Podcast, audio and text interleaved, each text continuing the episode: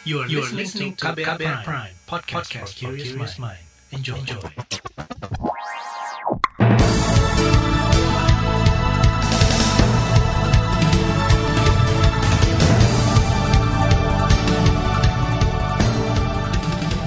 Selamat pagi saudara, senang sekali kami bisa menjumpai Anda kembali melalui program Buletin Pagi edisi Senin 25 Januari 2021 bersama saya Fitri Anggreni. Sejumlah informasi pilihan telah kami siapkan, di antaranya Kemendikbud tak benarkan tindakan intoleransi di sekolah. Indef sebut utang luar negeri Indonesia mengkhawatirkan. Gubernur Kalbar terima enam jenazah korban Sriwijaya Air. Inilah Buletin Pagi selengkapnya terbaru di Buletin Pagi. Karena peraturan sekolah kita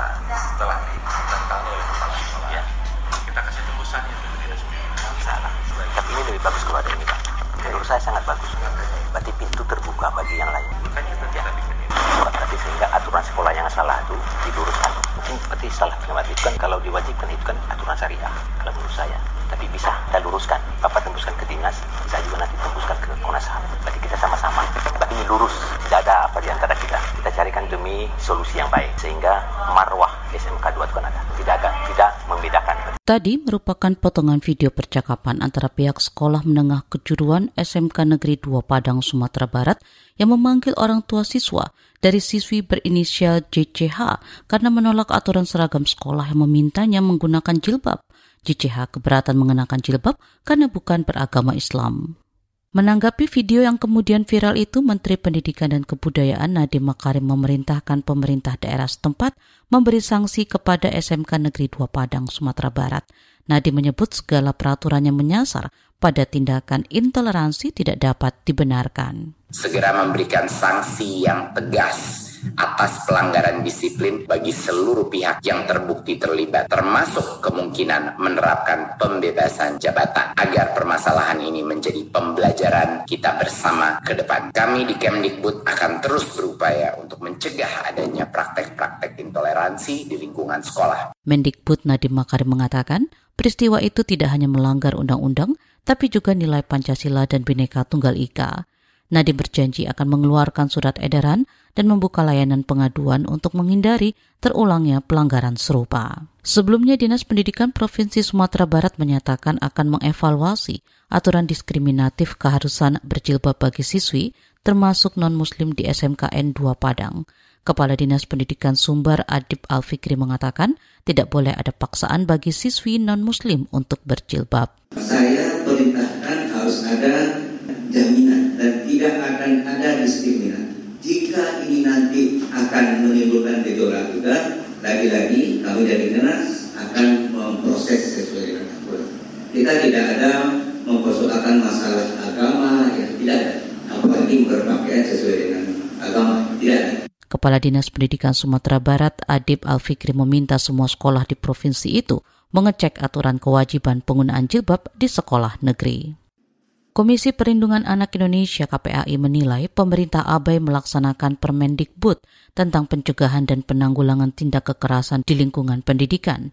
Menurut Komisioner KPAI Retno Listiarti, peraturan ini seharusnya digunakan sebagai acuan atau panduan dalam menangani kasus yang terjadi di SMKN 2 Kota Padang, Sumatera Barat tersebut. Sebenarnya ada ketentuan yang mengatur itu. Jadi tidak boleh bersikap diskriminatif. Itu juga bagian dari kekerasan. Diskriminatif yang sifatnya sara itu sangat jelas disebutkan di dalam aturan ini. Dan sanksinya juga jelas gitu. Jadi kalau guru pelaku atau pihak anak-anak dengan anak-anak, anak-anak dengan guru itu siapa yang harus menangani gitu kan. Ini bagian dari penanganan juga ya. Terlibatan dinas pendidikan. Komisioner KPAI Retno Nolis Diarti menegaskan sekolah negeri seharusnya menyemai keberagaman, menerima perbedaan, serta menjunjung tinggi nilai-nilai hak asasi manusia.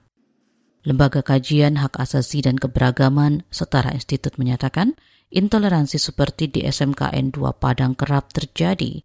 Direktur Riset Setara Institut Halili Hasan meminta pemerintah menjadikan sekolah sebagai etalase toleransi dan kebinekaan. Lembaga pendidikan kan juga mesti menjadi ruang bagi terjadinya perjumpaan dan lintas identitas. Karena apa? Karena ruang-ruang yang semakin terbatas itu akan membangun semacam segregasi sosial dan kalau terjadi segregasi maka penolakan atau resistansi terhadap yang berbeda itu sangat mungkin dimunculkan dan kalau itu terjadi itu juga mungkin terjadi konflik horizontal berbasis agama atau identitas uh, keagamaan tertentu. Direktur Riset Setara Institut Halili Hasan menjelaskan, regulasi diskriminatif seperti di SMKN 2 Padang seharusnya tak boleh terjadi di sekolah negeri. Kata dia sekolah negeri tidak boleh membuat kebijakan hanya mengacu pada nilai satu agama tertentu, sebab sekolah negeri merupakan tempat bertemunya lintas identitas keagamaan. Kemenkes sebut 146 ribu tenaga kesehatan telah divaksin. Informasinya akan hadir seusai jeda tetaplah di Buletin Pagi KBR. You're listening to KBR Pride, podcast for curious mind. Enjoy!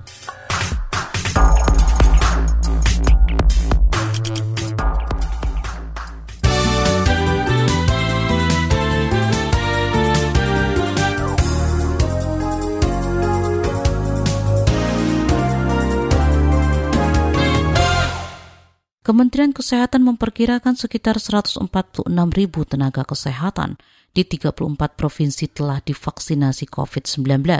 Juru bicara pemerintah untuk vaksinasi COVID-19, Siti Nadia Tarmizi mengungkapkan sekitar 28 ribu tenaga kesehatan batal atau ditunda vaksinasinya karena memiliki penyakit komorbid penyerta. Jadi saat ini sudah ada sebenarnya 174 ribu petugas kesehatan yang mengakses layanan vaksinasi, tapi hanya 146 ribu yang bisa diberikan vaksin. Karena tadi ada yang ditunda, terutama karena hipertensi, dan yang kedua adalah yang memang tidak bisa diberikan sama sekali karena kondisi komorbidnya. Juru bicara pemerintah untuk vaksinasi COVID-19 Siti Nadia Tarmizi menyebut Provinsi Banten, Jawa Tengah, dan Bali menjadi provinsi tercepat dalam pelaksanaan vaksinasi terhadap tenaga kesehatan.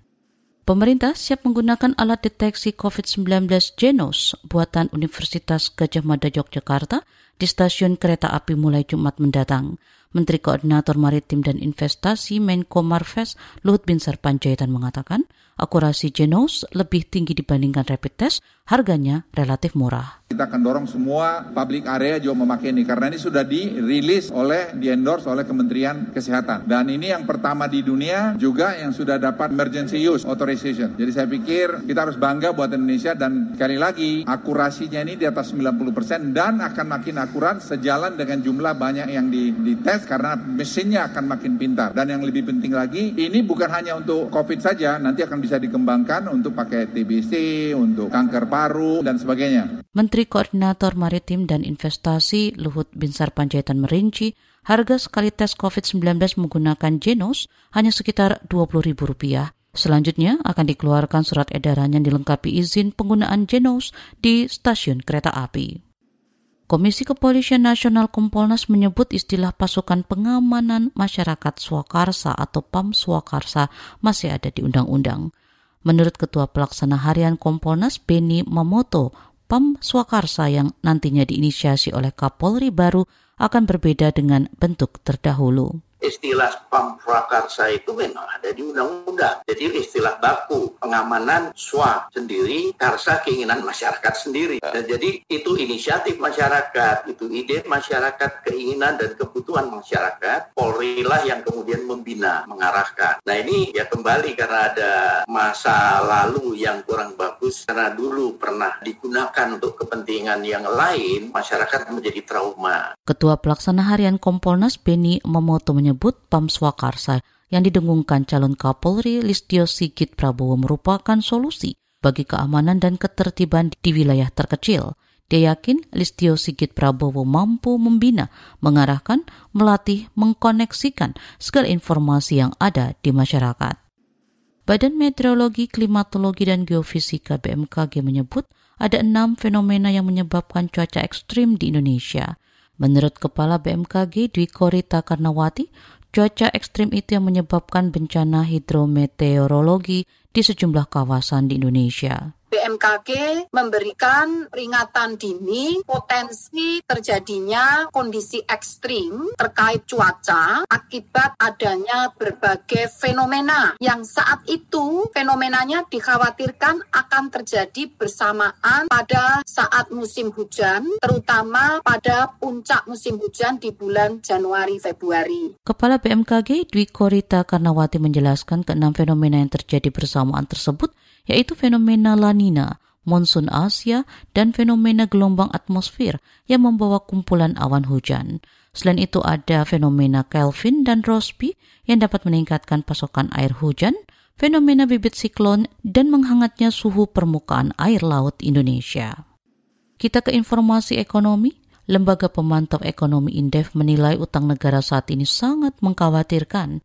Menurut Direktur Eksekutif Indef Tauhid Ahmad, pemerintah seharusnya mengkoreksi batas aman rasio utang terhadap anggaran pendapatan dan belanja negara APBN.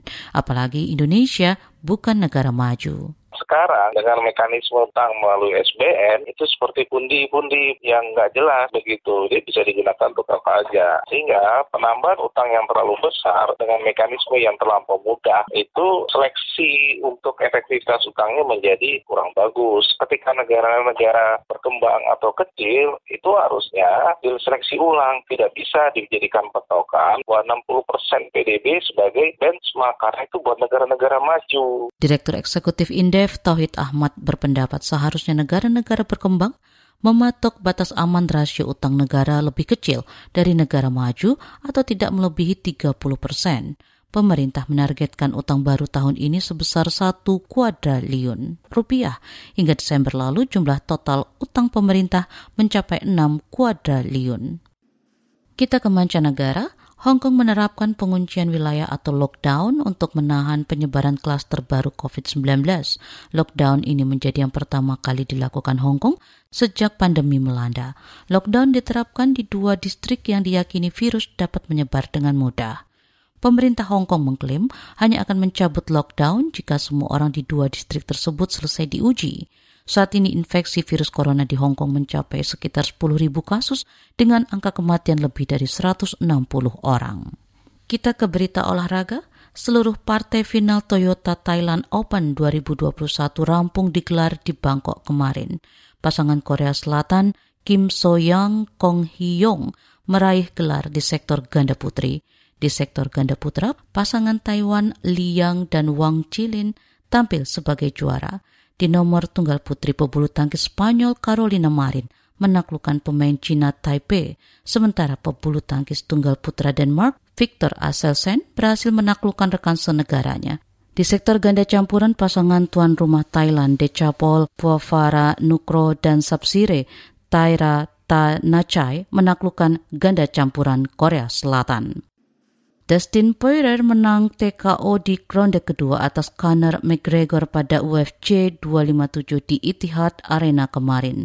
Petarung asal Republik Irlandia itu sempat tampil mendominasi di ronde pertama sebelum terkena pukulan hook kiri yang membuatnya limbung di ronde kedua. Hasil itu membuat rekor pertemuan McGregor dan Poirier di UFC imbang 1-1.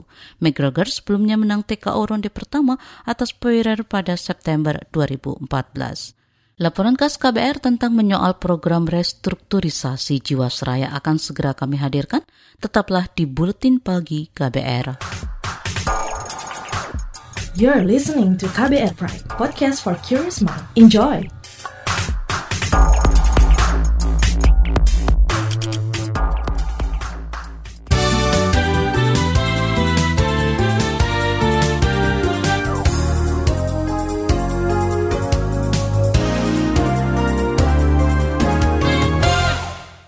Terima kasih Anda masih bersama kami di Buletin Pagi KBR. Terbongkarnya mega skandal korupsi PT Asuransi Jiwasraya menjadi salah satu kinerja penegak hukum yang diapresiasi. Kerugian negara yang ditimbulkan mencapai 16,8 triliun rupiah. Sudah enam terdakwa dari ex-manajemen Jiwasraya dan swasta diganjar hukuman seumur hidup. Namun di sisi lain masih ada pekerjaan rumah untuk menuntaskan hak-hak para nasabah akhir tahun lalu Jiwasraya telah meluncurkan program restrukturisasi. Bagaimana respon nasabah? Simak laporan yang disusun jurnalis KBR Valda Kustarini. Pemegang polis Jiwasraya yang kami cintai, bersama dengan pemerintah selaku pemegang saham, berbagai upaya kami lakukan demi memperjuangkan hak-hak Anda. Cuplikan ini diambil dari konten video yang diunggah di kanal YouTube Asuransi Jiwasraya. Video itu termasuk bagian dari sosialisasi program restrukturisasi yang ditawarkan kepada nasabah yang terdampak kasus mega skandal korupsi di asuransi pelat merah. Sejalan dengan komitmen kami untuk menjaga keberlangsungan manfaat polis demi perlindungan Anda dan keluarga. Kami ada karena dukungan dan kepercayaan Anda. Terima kasih tetap berjuang bersama kami hingga saat ini. Bagi nasabah produk saving plan, bisa memilih tiga skema pengembalian dana dengan cara dicicil tanpa bunga. Skema pertama, dana dikembalikan 100% selama 15 tahun. Kedua, dana dikembalikan selama 5 tahun dengan nilai hanya 71% dari saldo awal. Dan skema ketiga, dana dikembalikan selama 5 tahun dengan nilai 69% dari saldo awal dan 10% diberikan di tahun pertama. Program restrukturisasi ini sudah diluncurkan sejak Desember tahun lalu, namun ditolak oleh sebagian pemegang polis, salah satunya Weli, warga Blitar, Jawa Timur. Kalau saya positif menolak, karena saya rasa itu skema kan tidak adil sama sekali. Dan juga skema itu tidak pernah dibicarakan dengan kami loh. Tawaran solusi itu dianggap tidak adil, sebab nasabah harus menanggung kerugian, padahal kesalahan dilakukan perusahaan. Weli juga sanksi dengan kemampuan Jiwasraya membayar cicilan dalam jangka waktu panjang. Di skemanya itu tidak tertulis tanggal pasti kapan dibayar, Bu. Hanya cuma ditulis akhir tahun pertama, akhir tahun kedua, akhir tahun ketiga. Kita tulis 31 Desember 2022 atau 31 Desember 2023 itu kan menunjukkan komitmen. Komitmen bahwa pasti dibayar. Padahal posisi skemanya aja tidak ada penalti Bu. Semuanya mereka meleset tanggal meleset nggak nggak bayar. Mereka nggak akan didenda. Willy memiliki dana tak kurang dari 5 miliar rupiah di Jiwasraya. Skandal ini merusak rencana kerjanya. Saya ada beberapa polis, Bu, cukup besar juga. Di tempat saya ada yang polis cuma 250 ada, tapi ada juga yang sampai 5M ada. Yang jelas posisi untuk plan kerja saya kacau balau semua. Untuk teman-teman lain yang posisinya mereka benar-benar sampai hutang ke sana kemari, ya kehidupannya mereka lebih kacau lagi. Ia pun kesal, manajemen kerap menolak berkomunikasi dengan nasabah. Willy sudah mencoba beragam cara untuk menyampaikan aspirasinya, mulai dari datang langsung ke kantor Jiwasraya hingga berbicara di media massa. Kalau mereka memang benar, jangan mereka cuma ngomong ke rekan-rekan media tanpa nasabah. Kalau mereka memang berani, ayo bersama-sama nasabah diliput oleh rekan-rekan media, kita ngobrol bareng. Sementara itu, pengamat asuransi Irfan Raharjo menilai skema restrukturisasi Jiwasraya adalah cara terbaik yang bisa ditempuh skema restrukturisasi itu sudah yang terbaik dari beberapa opsi yang lain, misalnya eh, likuidasi. Itu sudah menunjukkan hal yang eh, positif dalam arti ada itikat baik dari pemerintah untuk menyelesaikan masalah itu. Penolakan dari nasabah bisa memengaruhi program restrukturisasi, apalagi saat ini tengah diproses gugatan penundaan kewajiban pembayaran utang PKPU terhadap Jiwasraya. Apalagi sekarang sedang berlangsung permohonan perbuatan melawan hukum di Pengadilan Negeri Jakarta Pusat yang sedang dalam proses persidangan dan kalau itu keduanya itu dikabulkan oleh pengadilan itu sangat menjadi tekanan yang luar biasa pada upaya restrukturisasi ini karena itu berarti harus dipatuhi sebagai uh, keputusan pengadilan oleh Jiwasraya gitu. Menurut Irfan, Jiwasraya bisa mengambil langkah alternatif pengembalian dana agar nasabah tak menunggu terlalu lama. Misalnya, menggunakan dana penyertaan modal negara atau PMN, tetapi dengan catatan harus dibayar langsung tanpa dicicil. Sejak awal saya usulkan agar dilakukan clustering nasabah yang kecil itu harus didahulukan, misalnya di bawah 50 juta, di bawah 100 juta didahulukan kelompok nasabah kecil, Kemudian yang kelompok menengah, misalnya dia bisa ditunda beberapa waktu dengan kelompok premium misalnya di haircut. Jadi sebetulnya kalau dengan 22 triliun itu sudah cukup karena kerugian awalnya itu 16 triliun. Demikian laporan khas KBR, saya Valda Kustarini. Informasi daerah akan kami sajikan seusai jeda tetaplah di Buletin Pagi KBR. Commercial break. Psikolog Tiffany Chandra menjelaskan ciri-ciri orang tua toksik. Karena ini kan toksik dan tidak toksik agak susah ya, ya bagi kita untuk membedakan terutama di budaya kita. Yang nggak boleh tuh kayak melawan orang tua. Memang kita ya, tuh ya. dari kecil dibiasakan orang tua soal benar. Memang kita udah terima itu sebagai suatu fakta. Betul, nah sulitnya bagi kita membedakan itu sehingga kebanyakan yang punya orang tua toksik tapi nggak sadar bahwa secara emosional mereka sudah di abuse karena mereka taunya memang yang namanya orang tua ya kayak gitu selalu benar yang salah pasti anaknya. Itu yang dikhawatirkan nanti. Nanti pasti pembelaannya ya kalau mama atau papa nggak sayang sama kamu nggak mungkin lah kamu disekolahin nggak mungkin lah dibeliin macem-macem gitu. Hmm. padahal mungkin secara emosional mereka memang mendapatkan abuse.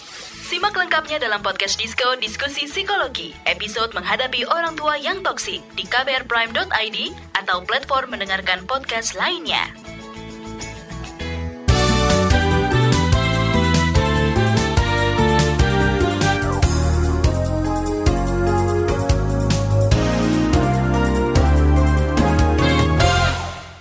Inilah bagian akhir dari Buletin Pagi KBR. Gubernur Kalimantan Barat Sutarmiji menerima enam jenazah korban kecelakaan Sriwijaya Air nomor penerbangan SJ182 di Pontianak kemarin. Di antaranya satu keluarga yang terdiri dari lima orang. Gubernur meminta maskapai berhubungan langsung dengan ahli waris tujuannya guna mencegah ada yang memanfaatkan atau mencari keuntungan atas penderitaan orang lain. Hingga saat ini tinggal tiga jenazah yang belum diantar ke Kalimantan Barat. Dari tiga jenazah itu, satu jenazah rencananya akan dimakamkan di Jakarta. Pesawat Sriwijaya Air rute Jakarta Pontianak jatuh di perairan Kepulauan Seribu pada 9 Januari lalu. Pesawat membawa 62 orang termasuk penumpang dan awak. Kita ke informasi lain, tim relawan lembaga medis dan kemanusiaan dari Mercy Indonesia mengungkapkan kondisi geografis di Sulawesi Barat menghambat proses penanganan korban gempa bumi. Menurut Ketua Tim Relawan dari Mercy Indonesia, Zeki Eko Triwahyudi, akses jalan yang masih belum sepenuhnya terbuka membuat penanganan korban gempa kurang maksimal. Tadi akses sedikit sulit, ada beberapa area jalan itu masih longsor. Nah, konturnya di sini adalah perbukitan sehingga banyak bukit-bukit jalan-jalan yang di bukit. Nah, itu yang longsor eh, beberapa longsor itu yang masih belum terbuka semua aksesnya. Kemarin juga tim yang mau ke Kalunda itu terhambat karena macet kerusakan jembatan, jadi sehingga harus bergantian. Nah itu cukup panjang, hampir satu kilometer macetannya. Ketua tim relawan dari Mercy Indonesia, Zeki Eko Triwayudi menambahkan, belum semua akses jalan menuju lokasi bencana di Kabupaten Mamuju dan Majene bisa dilalui lantaran masih tertutup material longsor. Gunung Raung masih terus erupsi. Gunung api yang terletak di perbatasan tiga kabupaten di Jawa Timur itu erupsi hampir setiap 30 menit sekali. Peneliti gunung api di pos pemantauan gunung api PPGA Raung Burhan Aletea menyebutkan hingga kemarin terjadi seratusan gempa tremor dan embusan.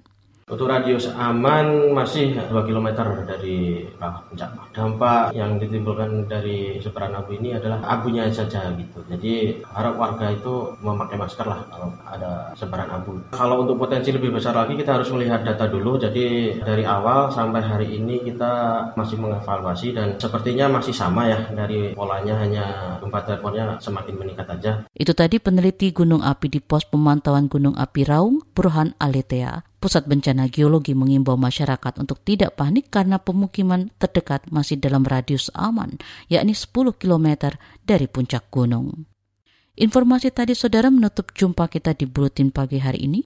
Pantau juga informasi terbaru melalui kabar baru, situs kbr.id, Twitter kami di akun @beritaKBR serta podcast di alamat kbrprime.id.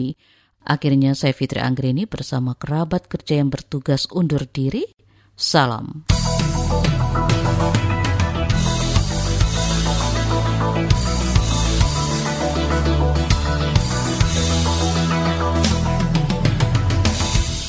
KBR Prime, cara asik mendengar berita. KBR Prime, podcast for curious mind.